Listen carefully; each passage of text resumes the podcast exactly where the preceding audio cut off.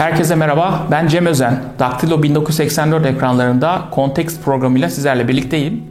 Geçtiğimiz programda Türkiye'nin yeni ekonomi modelinin ihracat ayağını deşifre etmeye çalışmıştık.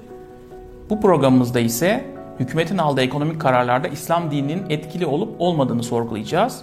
Son dönemde giderek artan bir boyutta dini terimlerin ekonomi alanında kullanıldığına şahit oluyoruz. Bu hafta bunun neden böyle olduğunu biraz sorgulayacağız. Programımız başlıyor. Adalet ve Kalkınma Partisi 2002 yılında iktidara geldiğinde hem yurt içinde hem yurt dışında farklı etiketlemelere maruz kaldı. İslami bir kökenden geldiği için İslami, İslamcı, ılımlı İslamcı ve hatta bazen de şeriatçı olarak tanımlandılar.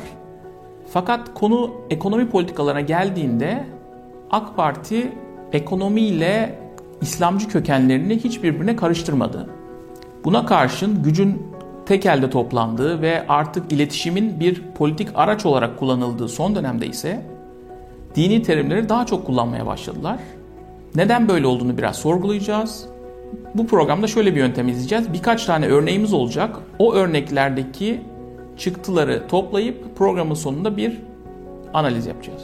Hükümetin aldığı kararlar arasında en çok tartışılanlardan birisi faizle ilgili olanlar. Gerçi politika faizini Merkez Bankası belirliyor. Kağıt üstünde Merkez Bankası bağımsız. Ama herkes biliyor ki Merkez Bankası hükümetin kontrolünde. Zaten son 3 yılda 4 kez başkanını değiştirmesi bunu gösteriyor değil mi? Son dönemde Cumhurbaşkanı Erdoğan'ın düşük faiz politikasını savunduğunu biliyoruz. Kendi ekonomi politikasını uygulayabilmek için düşük faiz politikasını savunuyor. Buraya kadar sorun yok. Ancak son dönemde nas sözcüğüyle bunu savunmaya başladı. Şunu bir defa bilmemiz lazım. Bu konuda nas ortada. Nas ortada olduğuna göre e, sana bana ne oluyor? Yani Erdoğan'a göre faiz indirmek İslami bir gereklilik. Peki gerçekten böyle mi? İslam dininde faiz büyük günahlar arasında sayılıyor. Kur'an'da riba terimiyle tanımlanan faizle ilgili ilk hüküm Rum suresinin 39. ayetidir. Bu ayette faiz yasaklanmıyor. Ancak faiz kazancında bereket olmayacağı beyan ediliyor. Nisa suresinin 160-161. ayetlerinde ise faiz kötülenmeye devam ediyor. Bu ayetlerde faizin Müslümanlara yasaklandığına dair açık bir hüküm olmamakla beraber faizin Müslümanlara ilk haram kılınışı Ali İmran suresinin 130. ayetiyle oluyor. Bu ayetle o devirde en çok uygulanan ve fakiri en çok ezen faiz riba yani birleşik faiz yasaklanıyor. Basit faizin haram olduğu hakkında henüz kesin bir hüküm inmiyor. Daha sonra nazil olan Bakara suresinin 275 ile 281. ayetleriyle her türlü faiz kesinlikle haram kılınıyor. Hz. Muhammed'in veda hutbesinde ise faizden şöyle bahsediliyor. Ashabım, kimin yanında bir emanet varsa onu hemen sahibine versin. Biliniz ki faizin her çeşidi kaldırılmıştır. Allah böyle hükmetmiştir.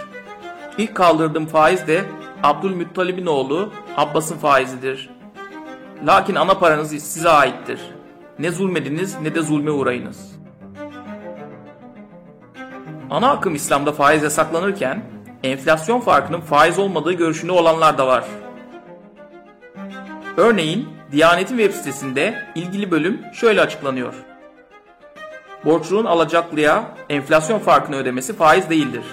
Çünkü bu fark reel bir fazlalık değil, alınanla ödenenin eşitlenmesini sağlayan, adaleti gerçekleştiren bir rakam fazlalığından ibarettir.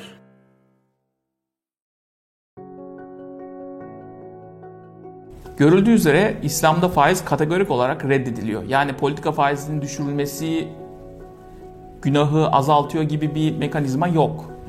Tarih boyunca da zaten İslam dünyasında faiz benzeri araçlar, arka kapılar kullanılarak hayata geçirilmiş. E zaten elinde borç verecek parası olan insanlar varsa, öbür tarafta da paraya ihtiyacı olan insanlar varsa bunlar belirli platformlarda bir araya gelir. Bu kaçınılmaz. Faizsiz bankacılık, diğer bir ismiyle katılım bankacılığı, faizle iş yapmak istemeyen insanların kullandığı bir araç günümüzde. Türkiye'de de finans piyasasında pazar paylarını giderek artırıyorlar. Türkiye'de katılım bankacılığı nasıl istiyorsanız biraz göz atalım. Faizsiz bankacılık ilk kez 1970'li yıllarda Orta Doğu ülkelerinde ortaya çıktı. Katılım bankacılığı olarak da adlandırılan faizsiz bankacılıkta farklı araçlar kullanılarak İslami kurallar içinde bankacılık faaliyeti yürütülüyor. Murabaha olarak adlandırılan yöntem ile banka elde ettiği mevduatı faizle borç vermek yerine borçlunun fiziki ihtiyacını, örneğin mal satın almasını kendisi kar koyarak gerçekleştiriyor. Çok kullanılan bir diğer İslami finans aracı ise sukuk. Sukuk, İslami bono olarak da biliniyor.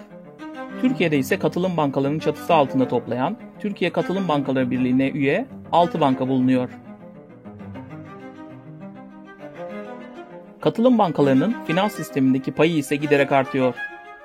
Müslüman ülkeler dışında da İslami finans araçları özellikle Orta Doğu sermayesini çekmek için piyasaya sürülüyor. Bu konuda İngiltere öncü bir rol oynuyor. 2014'te ilk sukuk ürününü çıkaran İngiltere, 2021 yılında da 500 milyon sterlinlik sukuk yani İslami bona ihraç etti.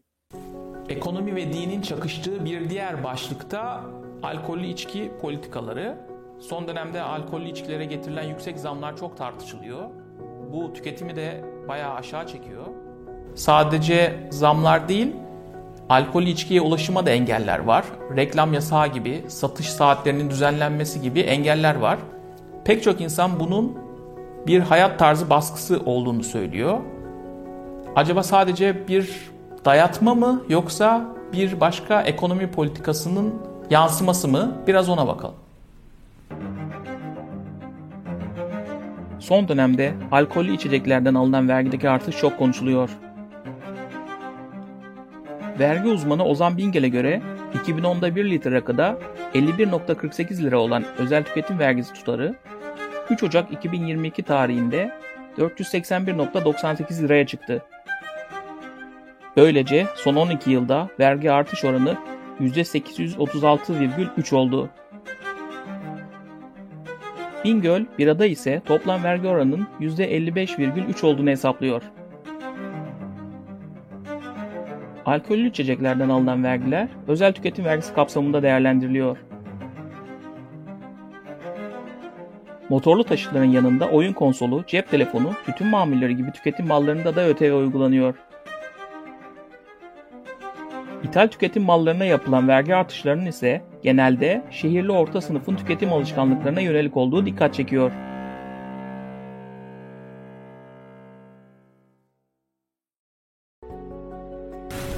Görüldüğü üzere hükümetin alkole yönelik vergi politikasının dini bir motivasyonu olsa da aslında kendi tabanı olmayan tırnak içinde beyaz Türklerin tüketim alışkanlıklarına yönelik bir vergileme politikası olduğunu görüyoruz.